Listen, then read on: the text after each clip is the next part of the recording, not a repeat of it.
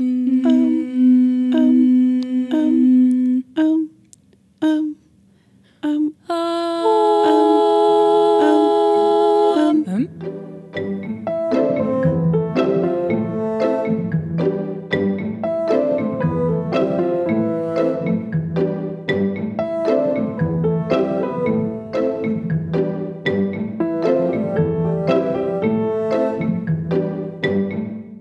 bij de podcast Theater heeft geen zin, maar ik wel. Ik ben Leonie Koelman. Ik ben theatermaker en bestuurskundige. Ik ben Jascha Dikker, filosoof, jurist en theaterliefhebber. In deze podcast gaan we op zoek naar het antwoord op de vraag: Wat is de waarde van theater voor de maatschappij?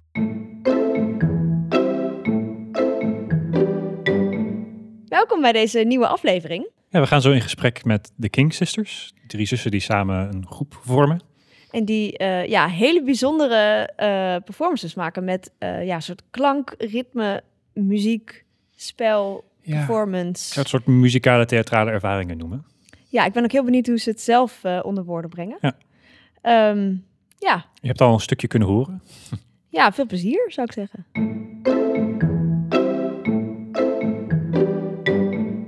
Ja, we zitten hier wederom in de Tolhuistuin. Dit keer een eh, mistige Tolhuistuin. We zien de overkant nog wel, maar het eh, muziekgebouw is wel compleet verdwenen intussen. Eh, bij onze tafel zitten de King Sisters. Zoals jullie zelf graag even voor zullen stellen. Hoi, Eh, ik ben Joske Koning. Eh, ik ben uh, actrice, ja, wat zou ik allemaal zeggen? Act Doe maar wat. Actrice. Ik ben actrice, theatermaker, zangeres. Ik schrijf. Ehm, nou, in een nutshell. Dankjewel. Dankjewel. Hoi, ik ben Annelie. Eh, ik ben zangeres, componist. En ehm, ik maak met mijn zussen muziektheater, maar zelf meestal eh, echt meer concertwerk. Right. En ik ben Marten Koning eh, en ik ben performance kunstenaar, zo ga ik dat dan dus noemen. Eh, dit jaar studeer ik af en ik heb ook een achtergrond in de beeldende kunst, twee jaar fine arts gestudeerd. Ja, tof. En jullie zijn samen de King Sisters. Ja. Ja, Ik ben wel benieuwd als jullie heel kort zouden moeten omschrijven wat jullie, wat, wat maken jullie? Ik, ik zou, ik ben heel benieuwd hoe jullie het zelf zouden zeggen. nou, ik vind de titel... We hebben een ondertitel gemaakt bij onze tweede voorstelling. Die heet Talking Songs. En de ondertitel is A Dreamlike Performance Concert. En ik vind dat in ieder geval bij die voorstelling heel goed passen.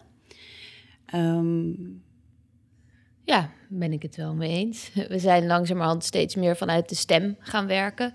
In de eerste voorstelling was het nog wat meer theater. En bij deze tweede voorstelling was het wel echt heel erg muziek. Dus het zit wel echt op de grens tussen een theatervoorstelling en een luisterervaring. En ik denk omdat we dus verschillende disciplines met elkaar combineren, dus we zijn alle drie wel echt podiumkunstenaars, dat is dan een algemene deler. En Joske heeft iets meer een theaterachtergrond en is ook heel textueel onderlegd. En Annelie echt vanuit de muziek. En ik breng dan soms iets meer performatieve of vormelijke beeldende dingen mee. En dat brengen we heel erg samen. En onze gemeenschappelijke kracht is onze stem, die ook omdat we zussen zijn gewoon heel goed samenklinkt. Zo werkt dat dan. En, eh, en we daar ook heel graag vanuit maken. Ehm, dus eigenlijk via die stem brengen we die verschillende disciplines ook samen. We zouden jullie eigenlijk de vraag willen stellen, even nu totaal open. Wat is volgens jullie de waarde van theater? Ja, ik denk dat ik, dat, ik link dat dan gewoon gelijk aan wat is het voor mij als maker. Want ik, ik, ehm, ik maak het gewoon heel erg graag. En ik ervaar heel erg wat het met me doet wanneer ik er op die manier mee bezig ben. Dus ik zou het niet zo snel kunnen beantwoorden vanuit de positie van publiek of eh, liefhebber of zo. Hoeft ook niet. Ehm, nee, nou dan, dan is mijn antwoord daarop is dat het voor mij ehm, me heel erg uitdaagt om mijn hoofd helemaal samen te laten vallen met mijn lichaam en mijn gevoel. Dus het is echt een uitdaging in lenigheid in denken en lenigheid in voelen. En dat samen te laten komen, geconcentreerd rondom één onderwerp, rondom één moment. En daarin mezelf uitdagen om verschillende aspecten van wat of wie ik ben en hoe ik, hoe ik me gedraag en, en hoe ik dingen op me in laat werken. Om daar een ruimte voor te creëren eigenlijk. En daar heel erg mee te zijn. En soms kan ik me zo, ja, kan het gewoon zo ehm, bevoorrecht voelen dat ik ergens de ruimte krijg om gewoon helemaal te zijn met mijn creativiteit. En helemaal me open mag stellen en, en, en open mag staan voor mijn intuïtie en mijn associaties. En ontdek ik zoveel van hoe dingen in mij gelinkt zijn. En daardoor kan ik ook veel beter ja, snappen waar bepaalde dingen vandaan komen. Dus ja, het heeft iets heel. Het klinkt natuurlijk Zeg het, zo zeg heel. het. Ja, het heeft iets heel holistisch, gewoon een soort van. ja, Ja. klinkt dan zo vaag. Ik vind het dan soms zo moeilijk dat daar zulke vage woorden bij komen of zo. Maar dat is gewoon echt wat het met me doet. Het verrijkt me Ja. enorm als mens. Nou, we zijn ook in dit, deze podcast juist op zoek naar dit soort antwoorden.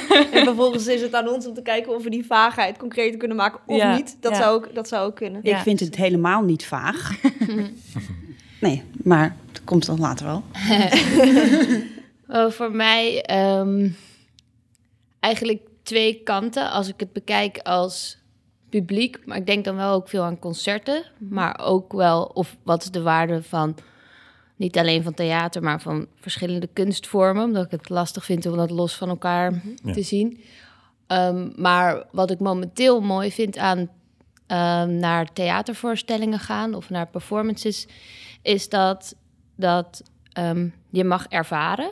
Dus iemand vertelt een verhaal en dat hoeft niet per se een discussie te worden, maar als publiek mag je die informatie gewoon tot je krijgen. Het is iemands beschouwing, het is beeldend en het is hoofdelijk. Dus wat Marten al zei als performer, wat bijzonder is om dat samen te zien. Ehm, en je krijgt informatie waar je vervolgens over na kan denken en die kan inzinken. En die informatie is niet ehm, wat in, bijvoorbeeld in muziek wel vaak wordt gezegd, van dat het dan mooi was of zo. En in theater heb je wel dat er meer ruimte is voor wat schurendere Ja, boodschappen. van anders dan alleen maar mooi. Ja, Ja. dat vind ik soms bij muziek een beetje eh, jammer dat het publiek verwacht dat iets mooi is. En ik maak ook niet per se mooie muziek. En daar krijg ik best wel vaak commentaar op van dat, het, dat ze het niet helemaal begrijpen, dat het eigenlijk niet heel mooi is of zo, maar wel rakend. Ehm, Ja, dat herken ik ook wel in jullie stuk, natuurlijk. Dat, nou, daar gaan we het straks Mhm. nog over hebben. Maar Ja. het, eh, ja. En daar hou ik heel erg van, die ruimte die je krijgt als maker om, eh, om helemaal iets te laten zien. eh, hoe je ergens over denkt. En daarbij niet alleen maar de schone, schone kant. En ehm, als maker zelf heb ik dus nu net een concept ingeleverd... wat ik aan Joske had laten lezen. Die is de enige die het heeft gelezen. het is een heel goed idee, dus ik kan er niet te veel over verklappen... want ik heb het nog niet gemaakt. Maar dat ga ik natuurlijk toch doen. Ja, tuurlijk. Ehm, en dat, want ik ben best, best veel bezig met hoe kan ik mezelf helemaal laten zien als zangeres of als maker. Om er helemaal te zijn, om me over te geven. En dat is wat Marten net ook zei van dat holistische of zo. Dat als ik zing en zeker als ik improviseer en ik de ruimte krijg om alles ehm, te doen wat ik op dat moment noodzakelijk vind, dan kan ik echt boven mezelf uitstijgen en een gevoel van vrijheid ervaren. En dat is wat ik dat is voor mij de zin van maken. Eigenlijk heel erg op mezelf gericht. Ik wil me vrij voelen. Of Ja. meer dan mezelf. Of Dus boven eigenlijk mezelf op het moment dat ik me kan overgeven, eh, ervaar ik een boven mezelf uitstijgen en dat ervaar ik als vrijheid. Ja, Ja. precies. En dat gevoel zou ik heel graag willen delen met een publiek. En dat is iets wat ik niet veel buiten de kunst ervaar. Om dat gevoel te kunnen delen met mensen überhaupt, in brede zin. dat gevoel te kunnen delen en Ja. dat gevoel te kunnen ervaren. Ja. Ook Ja. bijna, ik kan, ik kan me eigenlijk niks, geen andere plek voorstellen dan op het podium als ik zing voor mensen, waarin ik dat gevoel van nut of En waar zit dan nut in? Net zei je vrijheid, dat is wat anders dan nut. N- ehm, eh, nut van bestaan.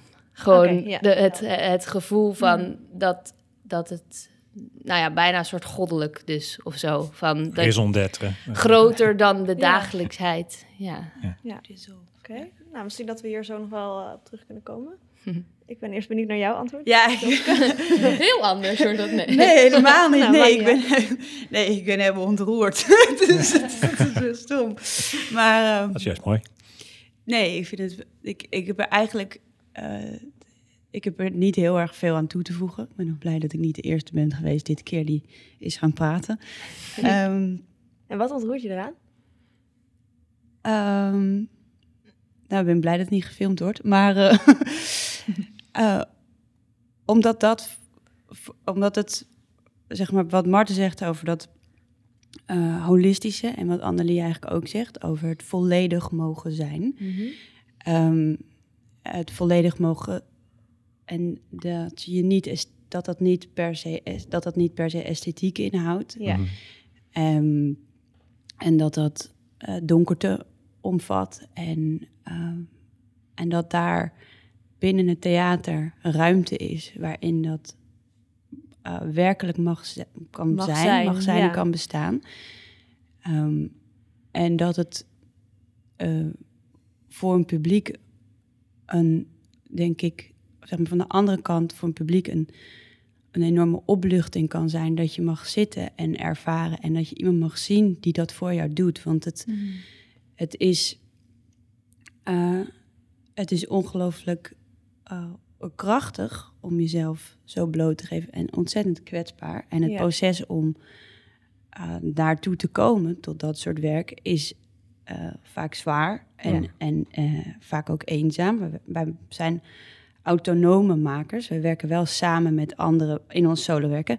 We werken zelf wel samen met anderen, maar de noodzaak en wat je wil vertellen is dan echt je, of voor mij, voor werk wat ik heb gemaakt, echt je eigen ehm, tocht.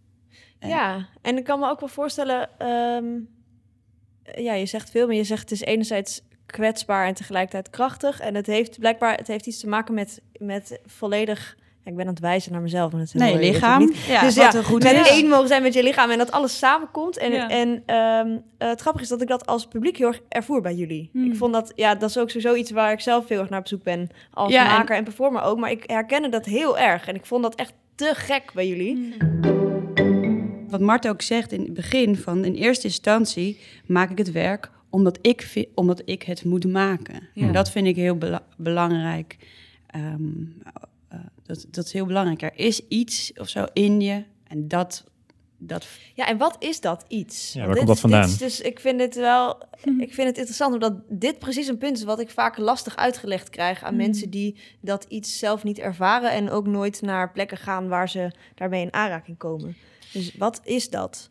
Ja, ik, ik denk wel dat, want ik heb, ik vind het altijd een hele moeilijke vraag. Wat is je noodzaak? Want dat is dan dat iets, dat is dan de toch? vraag. Ja, dat. Ja. En daar heb ik echt wel een paar kleine crisisjes eh door gehad. Eh, en ook geen antwoord op gevonden. Maar voor dit concept wat ik dus net heb ingeleverd, dacht ik opeens van...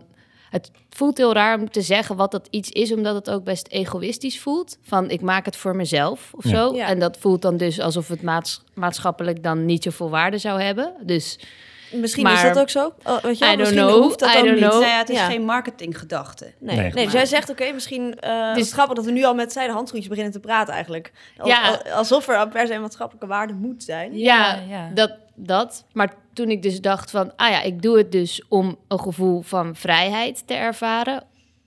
Eh, dat doe ik dan dus in eerste instantie voor mezelf. Omdat ik dat gevoel zo ehm, fijn vind. Het gevoel dat ik ertoe doe of zo. Ja. Of dat mijn leven zin heeft ergens. Ehm, daarom doe ik dat.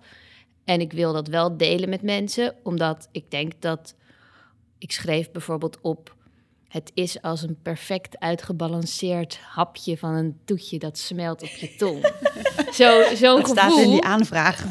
Ja, maar zo'n zo'n Ja. gevoel is het. Ja. Zo, dus ik ging wel kijken van waar in het dagelijks leven zou je zo'n ervaring mee kunnen vergelijken. En ik denk dat het wel waardevol is voor mensen die dus niet per se die drang hebben om dat op een podium te gaan maken. En om zo'n Ja. ehm, en, en zo'n gevoel mogelijk te maken voor andere mensen. Om te, we- om te weten wat je plezier geeft in je leven of wat je Ja, Wat dus je eigenlijk neem je laat bijna regie voelen. over, over eh, je eigen levensgeluk of, of beleving van Ja. plezier of vrijheid. Of wat Ja, en daarin is het ook voor iedereen verschillend, denk ik. Ik bedoel, sommige mensen die gaan dan voetballen op zaterdagmiddag. En ik vind sporten ook heel erg fijn. En daar kan ik ook zoiets in vinden of zo. Maar, het, maar, het, maar dat sporten heeft voor mij één specifiek ehm, aspect van dat gevoel of zo. En dit is een plek waarin heel veel dingen die in mijn leven tegelijkertijd samen kunnen komen. Dus een soort van al die verschillende inslagen. Maar ik denk dat mensen toch altijd op zoek zijn naar zo die zin of ergens voelen van ja, sommige mensen vinden dat in een enorm groepsgevoel of juist Ja, Ja, dus ik hoopte wel dat je kan inspireren. Dat je de, dat je de theaterliefhebber kan inspireren om dat gevoel eh, ook te voelen op dat moment. En te denken, hé, hey, waar zit dat in mijn dagelijks leven? Of Ja, en daarmee ga je eigenlijk de verbinding aan terwijl jullie starten vanuit jezelf. Dat vind ik ook wel mooi. Dat het, eh, Ja, en dat we als dan toch zeg maar een beetje zo, hè, wat heeft voor zin, marketing, bla bla bla, hou je kijker in de gaten, dat soort dingen. ik heb hier de schmiezen. Ehm, even kijken. Ja, nou ben ik door de grap ben ik dan het punt nu weer je kwijt. punt kwijt. Ehm, nee, ja, wat ik wil zeggen is eh, dat dat wat waar, waar, waar ik voor, voor om maak of wat mijn motor is, het, het verandert, maar het is vaak iets wat me in mijn leven heel erg raakt, waar, ik, waar ik een vorm voor nodig heb. Ja, want jullie gaven aan eh, op jullie antwoorden van wat is de waarde dat je heel erg een plek vindt waar je zelf kunt overstijgen of waar je kwetsbaar kunt zijn of op een andere manier kunt uiten. Hebben we ook gewoon te weinig plekken of momenten waarop we dat kunnen doen? Ik denk dat er te weinig. eh, eh, nou ja, nu natuurlijk helemaal. Want dan kan je nog naar een festival, dan kan je nog dansen. Kan je ook een soort transcendent, kan je ook boven jezelf uitstijgen. Ja. Maar ehm, ik denk dat de eh, collectiviteit waarin er dingen gedeeld worden, dat dat mist. Ja. In de zin dat we allemaal wel misschien naar een therapeut gaan, één Ja. op één. Ja. En maar dat het bijzondere aan het theater is dat je met andere mensen in de zaal zit. Ja, Waarin en het dat je voor je dat- gebeurt. Dat, Mm. dat het een ervaring is die ook, ook misschien associatief of... eh, Maar dat het een collectieve ervaring is. Je ja. zit met het publiek. Ja. En als één iemand bijvoorbeeld moet lachen, dan ontstaat er een soort ontspanning binnen het publiek. Ja, ja, ja. Ja. En als er, we hebben eh Song of the Sisters gespeeld voor heel veel studenten in eh, Arnhem. En ehm, de respons van die zaal was heel groot. Ja. Het was echt, wij dachten eerst van, hè, we hebben toch geen sitcom gemaakt. Ja, dat was ja. heel Dat grappig. is een soort van slapstick. En of eh, zo, ja, wel ook goed. En aan het einde van die voorstellingen allemaal huilen, huilen, huilen. Oh ja? Maar met elkaar. Maar dat is natuurlijk een groep studenten en die Ja. kennen elkaar al lang. En die Ja. zijn ook Staan open voor elkaar. jong Ja. en staan open voor elkaar. Maar daarin heb je te maken met een collectieve ervaring. Ja. Ja. Ik, vond, ik vond jullie eh, beide voorstellingen trouwens, ik heb natuurlijk nu de registraties eh, gezien, slash opnieuw gezien. Ehm, wat ik heel bijzonder vond, was dat jullie een bepaalde eh, ehm, kracht hebben in het, eh, in het plezier wat jullie met elkaar uitstralen. en, en in het, eh, het niet, dat het niet per se mooi hoeft te zijn. Dus Annelie, wat jij aan het begin ook zei. Ehm, eh, en wat ik daar heel tof aan vond, was dat het best wel speels was. Dat je heel erg een zussenband ook zag, waar je als Mhm. publiek eigenlijk niet tussen komt. Maar waarin ook geen enkele gêne was. En dat vond ik heel bevrijdend. Zeker in jullie eerste voorstelling. Ja. Daar zaten echt stukken waar jullie over de grond rolden door die doeken. En waar jij helemaal los ging, Annelie, met je, met je stem. Ehm, ja, dat vond ik zo... Ik vond dat dus heel bevrijdend. Ja. Eh, zeker... Misschien maak ik het nu onnodig feministisch, maar als vrouw voel ik altijd een nooit soort onnodig Onnodig, nee. ik had er zo vermoeden.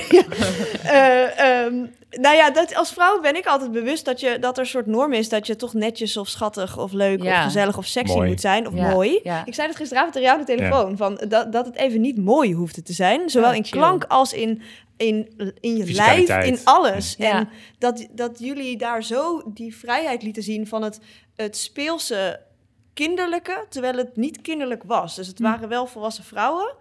En dat vond ik heel bevrijdend. Ja, precies, en, die openheid zat daarin. ja, die openheid en het elkaar echt uitdagen.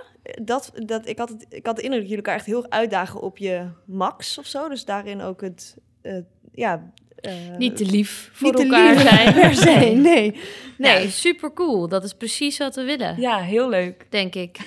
dat, het- dat, dat je mag laten zien wie je bent. Gewoon Ja. aan Ja. van al je kanten. Ja, Ja. En dat, dat ervaar ik inderdaad ook in het dagelijks leven wel. Dat dat niet altijd wordt.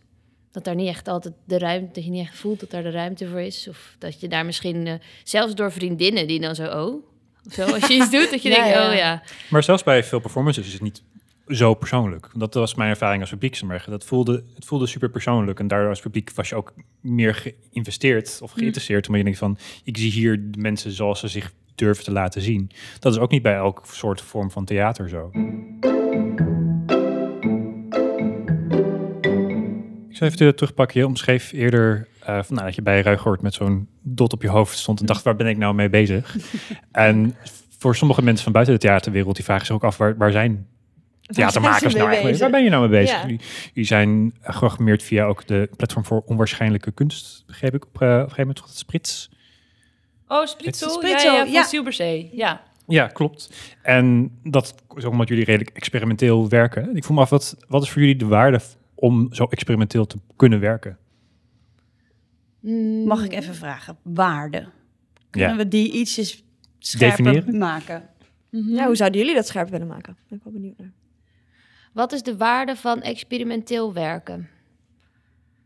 Ehm, Ja, ik, ik stel die vraag ook wel misschien een beetje om er achtergrond voor te creëren. Weet je. Dus er, is- dus, er zijn veel geluiden van, ah ja, we hebben toch allerlei theaterstukken al. En dat zijn gewoon verhalen, A tot Z. En dat, eh, dat is wat, eh, wat veel Oh, mensen begrijpen. Wat en is dat de is wat, waarde van vernieuwing, vraag jij je af? eigenlijk is, die vraag misschien wat specifieker dan inderdaad. Ja, vernieuwing of experimentele. Van. Ja, dat is misschien, dat is trouwens inherent vormen. vernieuwing Nou ja, ik maar- denk zeg maar, ehm, de wereld waarin we leven ontwikkelt zich ook continu. Zeg maar, de, de wereld van, van mijn generatie is niet te vergelijken met de generatie van twee generaties hiervoor of zo. Mijn oma weet niet wat Instagram is, wat Facebook is, wat het is om continu mensen over je schouders mee te hebben kijken in je leven of zo. Dus dat is één voorbeeld van hoe de wereld de hele tijd verandert. Ja. Dus we hebben ook nieuwe vormen nodig om daarop te reflecteren. Dus je hebt nieuwe, nieuwe vormen van theater nodig, maar ook nieuwe vormen van films of überhaupt van plekken waarin je reflectie kan tonen en, en nieuwe wegen kan vinden om, om ja, jezelf te uiten. Ik vind dat altijd een lastige jezelf uit of zo, maar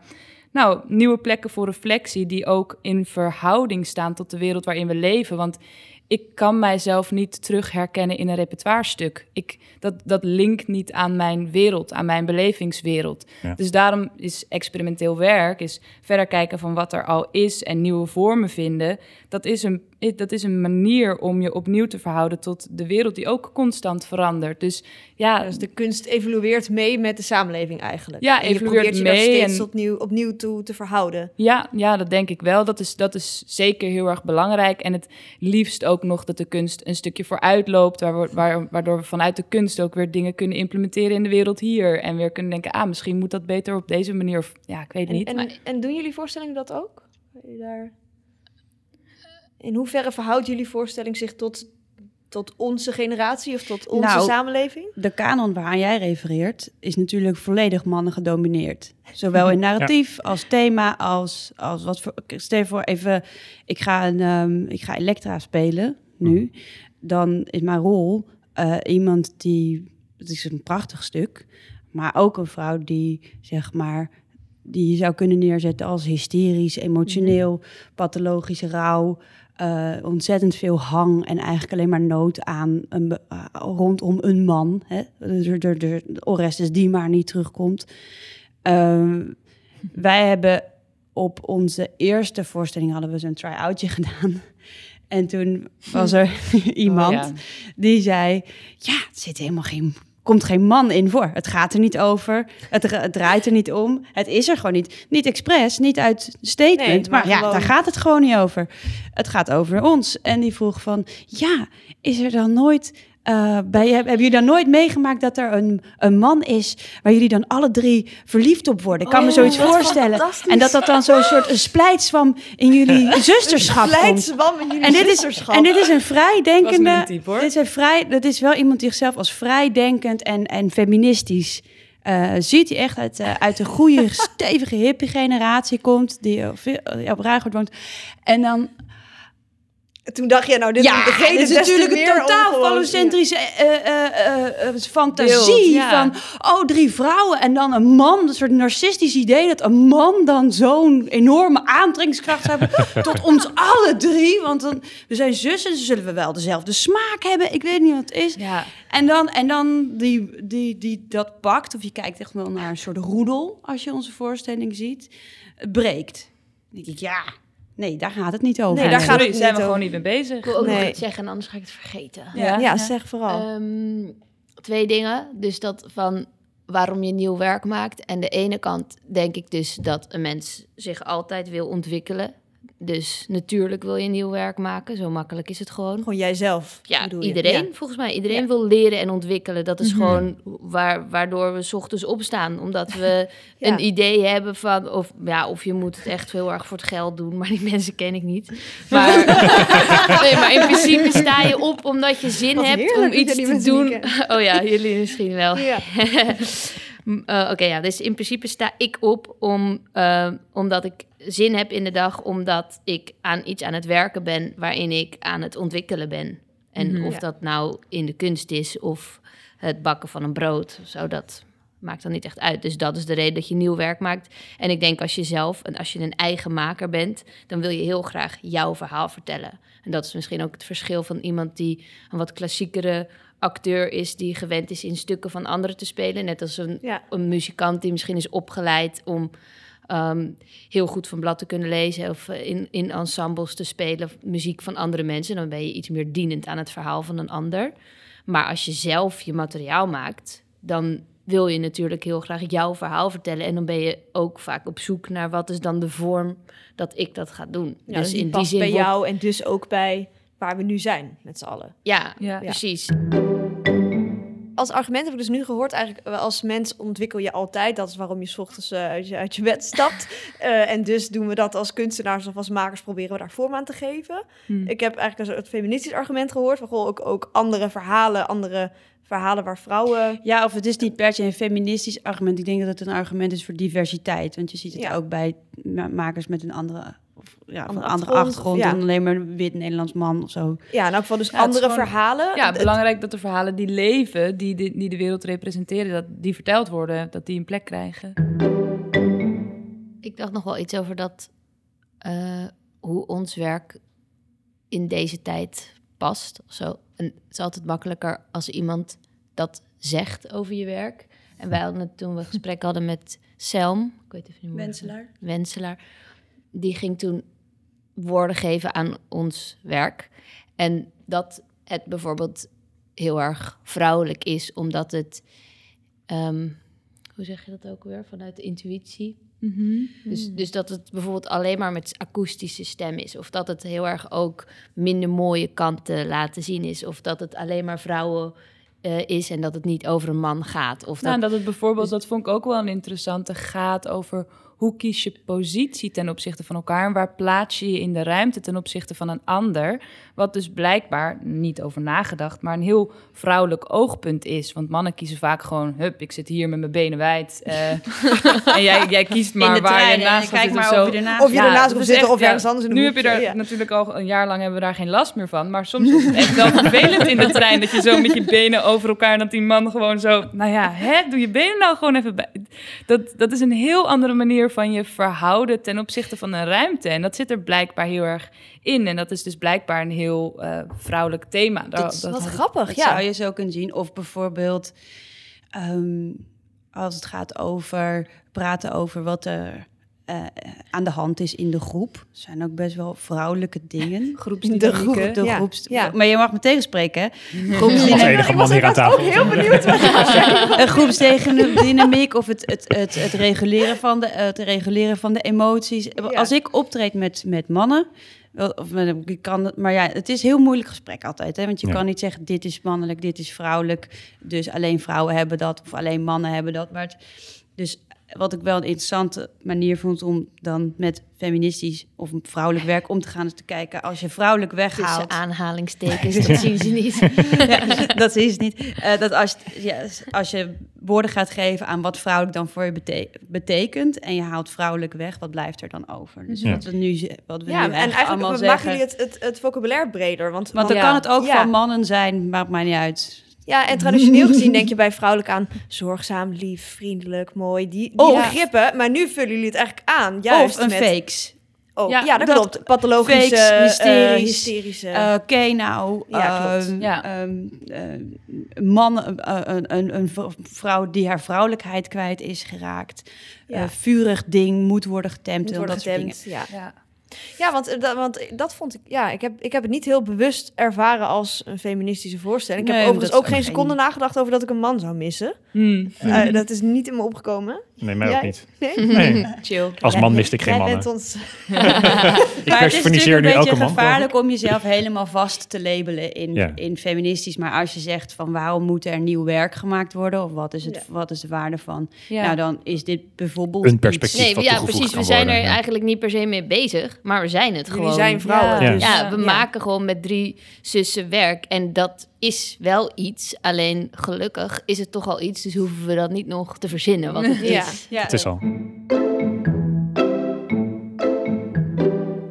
Ehm, we hadden hier een vorige voorgesprek over gehad. Ja. En ehm, eh, ja, ik ga gewoon even een stukje laten horen. Maar dat is een taboe dat je maakt en wie er komt, dat is, dat is je publiek. Terwijl dat, dat publiek gewoon altijd hetzelfde is. En hetzelfde denkt, let in Ja. dezelfde kaders. Dat zijn ook de mensen die recensies geven. Die geven al binnen hun eigen regeltjes, zeggen die wat moet. En die zeggen van, zo moet het. En dan ga je daar naartoe richten of niet. Hè? Als je goed bent, niet. Maar als je dat wel doet. En dan wordt het allemaal een beetje hetzelfde. Oké, nou, jij hebt ook wel wat op te zeggen. Maar misschien wil je eerst een vraag over stellen. Nee, reageer maar. Ben ik, vind, ben ik benieuwd naar. Nou ja, ik zit dan dus niet per se heel erg in de toneelwereld. Dus voor mij is dat al een stapje buiten mijn scene. Dus daarom al verfrissend. Maar in de improvisatie scene is het heel erg het geval dat je voor dezelfde 30 mensen, of misschien 100 mensen, of als je een keer in het Bimhuis speelt of op een festival wat meer mensen speelt. Dat ze allemaal heel goed snappen wat je doet. Dat ze het allemaal mooi vinden. Ehm, en dat is gewoon een soort visuele, visuele cirkel of zo. Dat is Visueuze cirkel. visueusje. En dat wordt steeds, ja, het, in die zin vind ik het gewoon wel een beetje. Terwijl het zo erg vrije muziek is en zo erg voor losbreken en vrijheid en geen regels. En ze doen allemaal hetzelfde eigenlijk. Ja. Dus dat vind ik heel erg jammer. En ehm, eh, daarom ben ik bijvoorbeeld eh, nu eh, eh, eh, sinds corona raps aan het maken. omdat, ik, omdat, ik dat, omdat het een heel andere doelgroep aanspreekt. En omdat ik denk dat je ook in zo'n rapvorm heel veel vrijheid of heel veel experiment of heel veel improvisatie kan stoppen. En daarom ben ik ook nu met theater bezig, omdat ik het performatieve soms mis bij de improvisatie. Dus ehm, ik vind het heel belangrijk dat je kijkt naar wat voor vormen je kan gebruiken om ander publiek aan te spreken. Wat ik wel lastig vind, is dat er vaak verwacht wordt, bijvoorbeeld in subsidieaanvragen of van theaters, wordt verwacht dat je heel erg eh, mensen aantrekt naar het theater. En dat je Ja. dan heel erg moet nadenken over wat die doelgroep is en hoe ga ik die bereiken. En, en daar heb ik wel wat moeite mee. Terwijl als En waar je, zit dan die moeite in? Ehm, dat je een soort van moet gaan verwoorden welke mensen je wil bereiken. En dat je er moet gaan marketingen om die mensen te, te bereiken. Terwijl ik liever wil dat het werk die mensen bereikt. Ja, dat het werk aan zich dat al doet. Ja, Ja. Ehm Mart, wil jij reageren? Nou, eh, eigenlijk de eerste gedachte die ik eh, die dan in me opkomt, gewoon een beetje zo er tegen inschoppend of zo, dat ik denk van ja, we zijn ook niet bezig om een nieuw profiel eh, voetbalsupporter te, te, te, te maken of zo. We vinden het ook niet vervelend dat de voetballiefhebber naar voetbal komt kijken. Ehm, dus waarom is het dan erg dat de theaterliefhebber naar theater kijkt? Nou, dat, dat komt ook heel erg uit het idee dat wij natuurlijk daar echt iets teweeg brengen. En, en echt het idee hebben van, van de verhalen die wij hier vertellen, die kunnen iets bijdragen aan de wereld. En die kunnen verandering brengen. Dus dan is het wel heel erg fijn als die verandering dan ook echt daadwerkelijk terechtkomt bij mensen die die verandering nog niet hadden geïmplementeerd in hun leven. Dus dat snap ik wel heel erg. Ik vind, ik vind het nog moeilijk om iets over publiek te zeggen, omdat ik daar gewoon persoonlijk nog niet zoveel gedachten over heb laten gaan. Omdat ik nog niet zoveel in contact ben geweest met publiek. Dat ik nog best wel in de studiebubbel zit, omdat ik nog niet ben afgestudeerd. Mhm. Dus ik, voor mij is dat gewoon, voelt dat als de volgende stap of zo. Ja, ik weet niet, ik vind dat volgens mij niet zo erg. Want volgens mij is het gewoon heel erg goed om een tijd lang eh, op je, op je makerschap te kunnen focussen. Maar dat er uiteindelijk wel gestimuleerd wordt om te kijken waar het dan daadwerkelijk aansluit. En Ja. welke groepen je daadwerkelijk aanspreekt en hoe je dat kan, ja, groter kan trekken. Ik heb daar gewoon wel heel erg veel zin in om te kijken wat ja, wat mijn werk kan betekenen voor mensen die misschien niet zo snel naar theater gaan.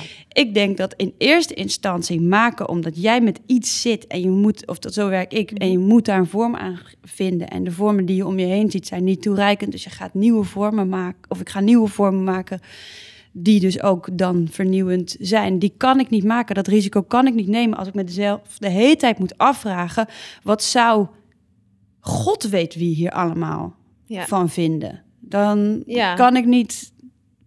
Mijn Ja, Lucas start eigen eigenlijk bij zijn publiek. Dus hij zegt, ik wil graag Ja. impact maken.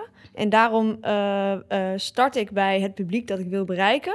Waar ik mijn impact wil realiseren. En Mhm. vanuit daar ga ik eigenlijk zoeken naar wat ga ik maken zodat het aansluit. Ja, en dan denk ik, dat kan. Nou, dat vind ik cool. Vind ik ook maar, cool. Dat is, maar dat is dan heel erg zijn concept. Dat is dus, hij is dus zijn noodzaak is, ik wil impact Ja, ik maken. wil impact Ja. maken. En Ja, hij ja. zegt, ik kan, dat kan op duizend manieren. Dus dat kan met een voorstelling in een theaterzaal. Maar dat kan ook op een congres of eh, Ja. weet ik Met een veel. boek, met whatever. Maar dat is dus zijn drive. En dan, dan vind ik het wel een leuke uitgang dat je dan gaat kijken. Oké, of ik, ik zou het een heel leuke speelse manier vinden om te kijken. Oké, op die groep wil ik impact maken. Wat maakt impact op hun en hoe kan ik dat in mijn werk gaan doen? Maak Ja. ik dat, dus dat is heel vet. Alleen dat past dan wel helemaal bij zijn noodzaak. Terwijl als Joskes noodzaak is ehm, dingen die voor mij in, intens zijn in mijn leven, die moeten er via een kunstvorm uit. En dat wil ik delen om dat met mensen te delen die daar misschien wat aan hebben, of bij mij boven mezelf uitstijgen of zo. Dan heb ik natuurlijk een andere noodzaak, waarbij Ja. misschien de, het, het maken niet per se direct met een doelgroep. Ja, ver- verbonden is Ja. eigenlijk. Ja, en wat ik Ja. lastig vind is aan zo eh, in doelgroep denken.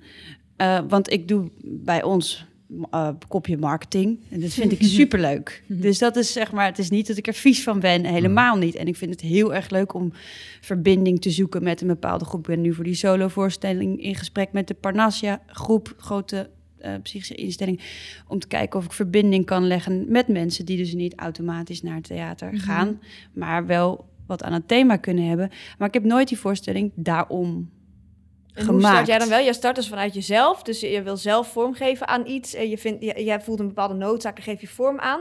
En als het product of de voorstelling er is, dan ga je naar een doelgroep toe en denk je, hé, hey, misschien dat jullie daar ook wat aan hebben. Ja, het is niet.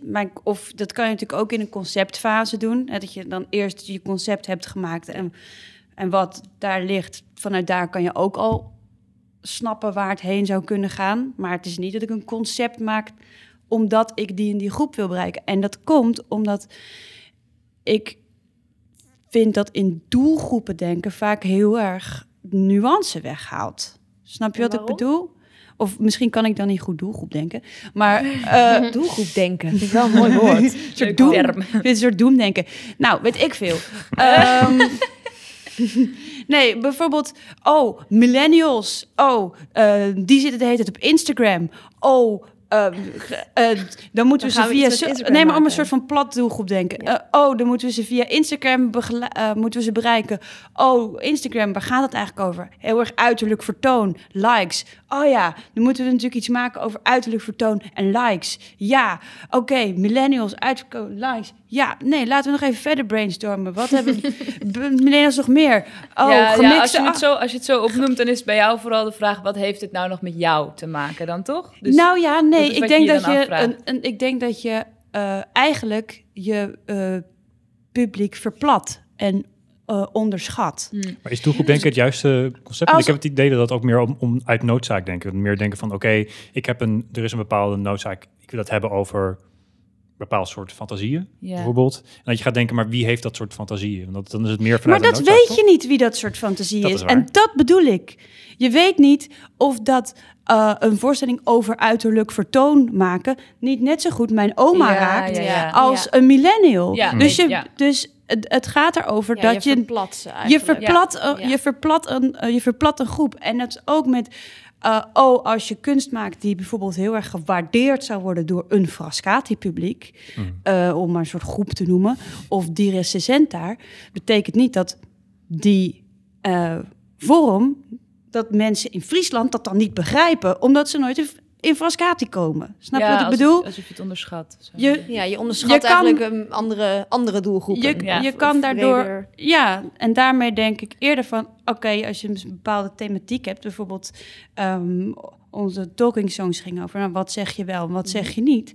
Ehm, dat kan een thema zijn binnen voor mensen die een gezin komen met een groot geheim. En dat gaat niet over een generatie. Dat kan ook gaan over mensen die met oorlogsgeheim zijn opgegroeid. Ja, maar ik wil eigenlijk ja. gewoon dat, dat ik maak wat ik maak en dat zoveel mogelijk mensen het zien. Dat is eigenlijk, ik heb niet per se dat bepaalde mensen het zouden moeten zien, maar ik zou het wel leuk vinden als meer mensen het zien dan alleen maar de improvisatieliefhebber.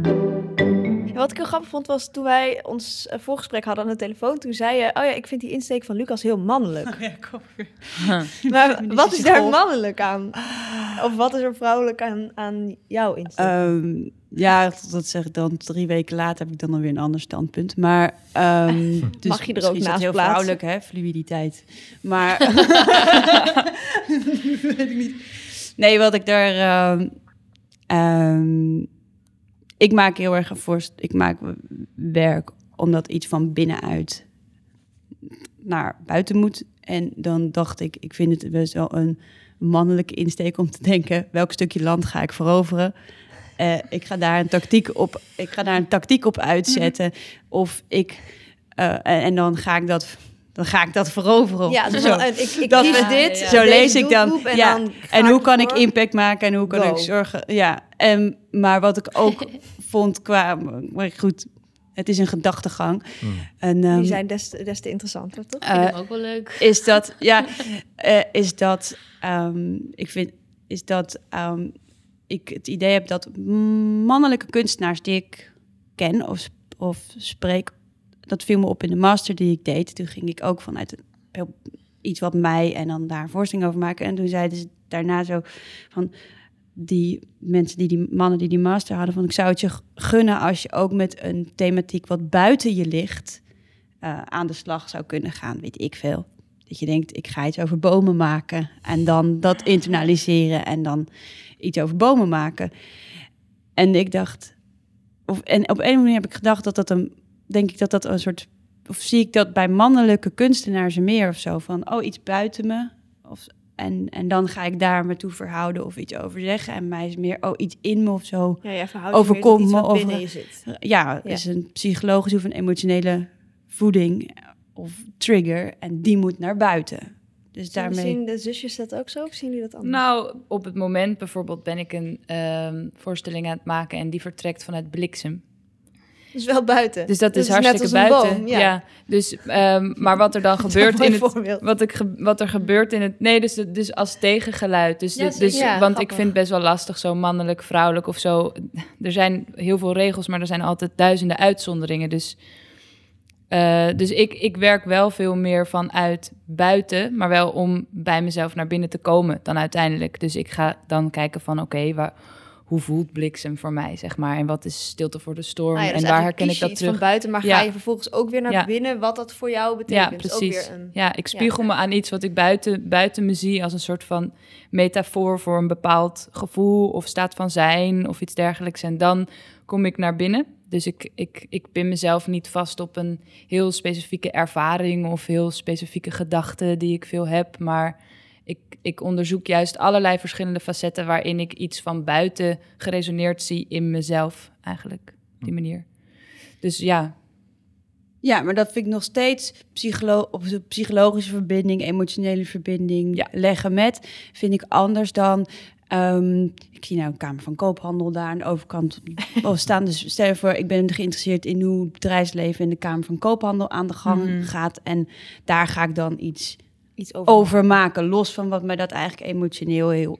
Wat mijn eigen emotionaliteit of psychologische wereld of droomwereld of zo daarbij is, die doet er niet zo toe. Zeg maar. Ja. Ik ga iets maken voor hen, want ik wil hen bereiken. Zoiets. Ja, en je zei, dat vond ik ook nog wel heel grappig. Je zei eh, van, oh ja, dan ga je iets voor jongeren maken en dan ga je bijvoorbeeld hip-hop gebruiken.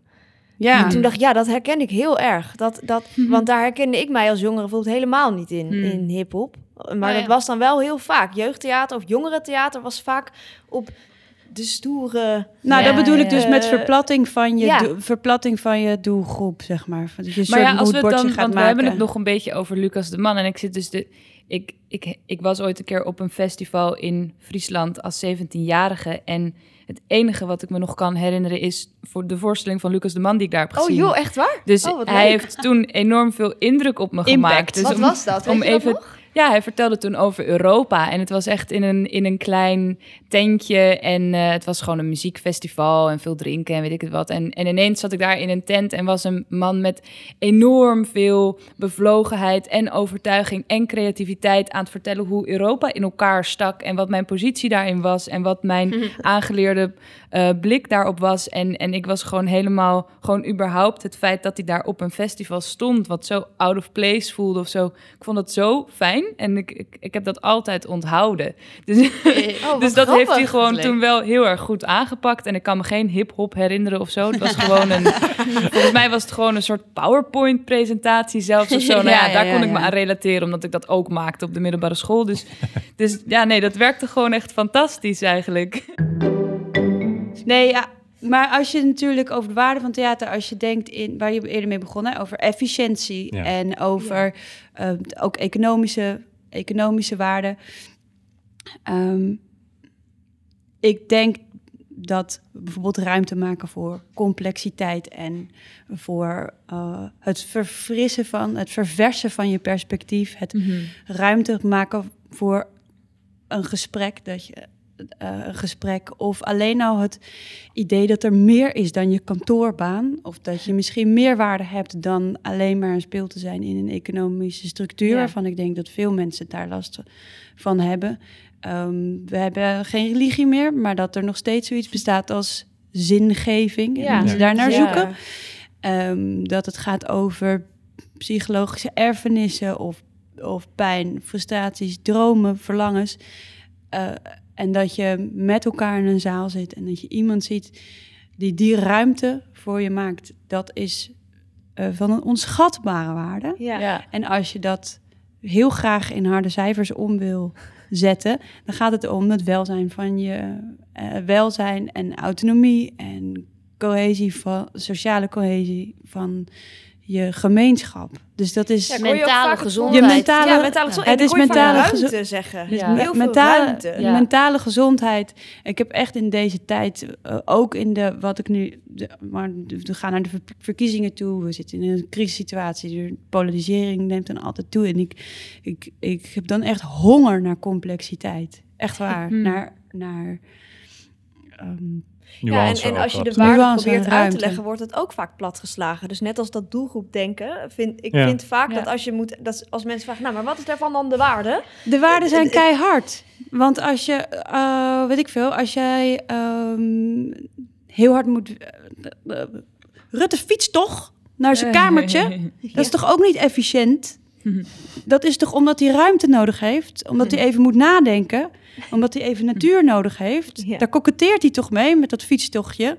Ik bedoel, eh, het ja, is is een mooi voorbeeld. het dus is je hebt even- eigenlijk ruimte nodig om je Het om is evident. te, te plaatsen. Alleen of- iemand die daar niet, die daar geen geld in wil investeren, die zou altijd proberen je waardeloos te laten voelen. En dat is ook een voorbeeld die we moeten nemen aan de Duitse politiek, die er echt een, een, een blok van heeft gemaakt om te zeggen: we gaan onze kunstenaars ondersteunen, want wij vinden als politiek dat Ja. kunst belangrijk is. Ja. Onze politiek ehm, maakt ons een vervelend kindje en Ja. we zijn de laatste aan de beurt om open te gaan. Ja. Ehm, er- zo creëer je ook onder je bevolking een sentiment dat het niet waardevol is. Ja, maar het ja. is wel waardevol. ja, Mooi pleidooi. punt. Ja. Ik zou de kamer ingaan als ik jou was. Ik maak ze af.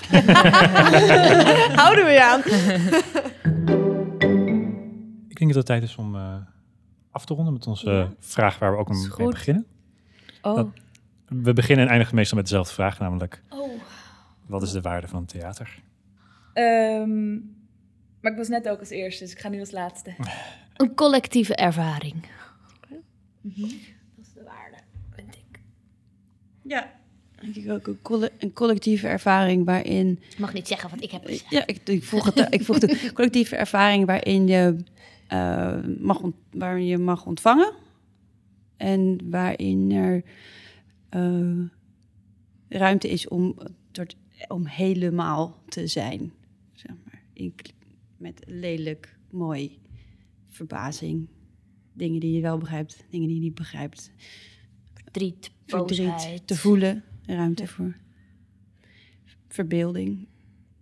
Ja, Dat de, en, en de, de ruimte die verbeelding geeft. En de, en de ruimte die creativiteit kan geven. Dus dat zei ik denk ik ook, het lenige maken in denken en in voelen. En dat die twee dingen Ja. samen stromen in je lichaam. Ze zijn allebei bewoner van, jezelf, van, je, van dezelfde huls. Dus een plek om ze echt samen te laten komen.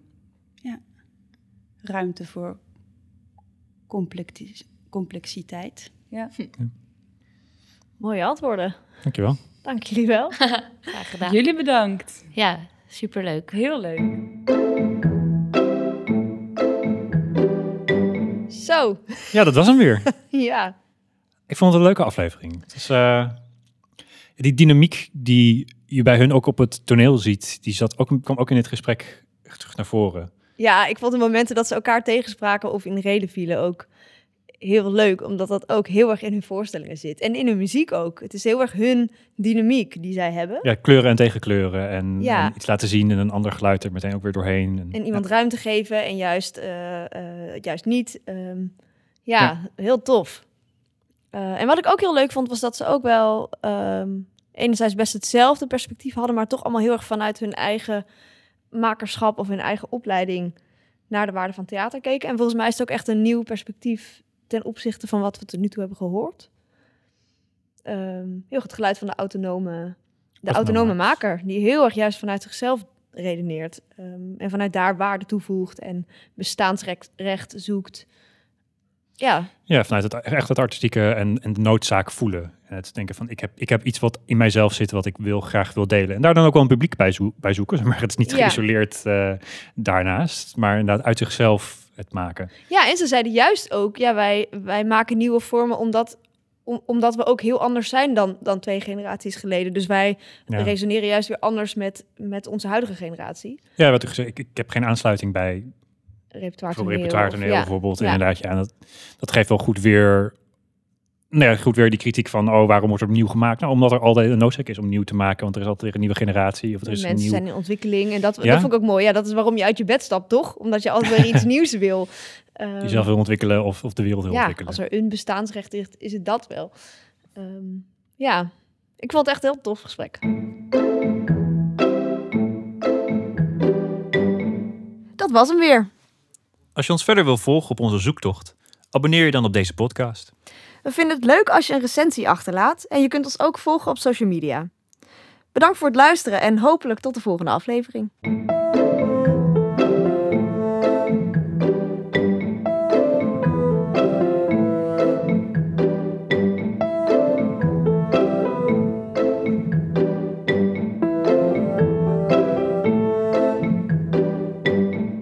Willen jullie tot slot eh, iets performen? Oh ja. Dan moeten we dus eventjes terugluisteren wat we ook weer deden. Maar moet dat? We kunnen toch gewoon wel doen? Nee, jij moet begon- alleen even...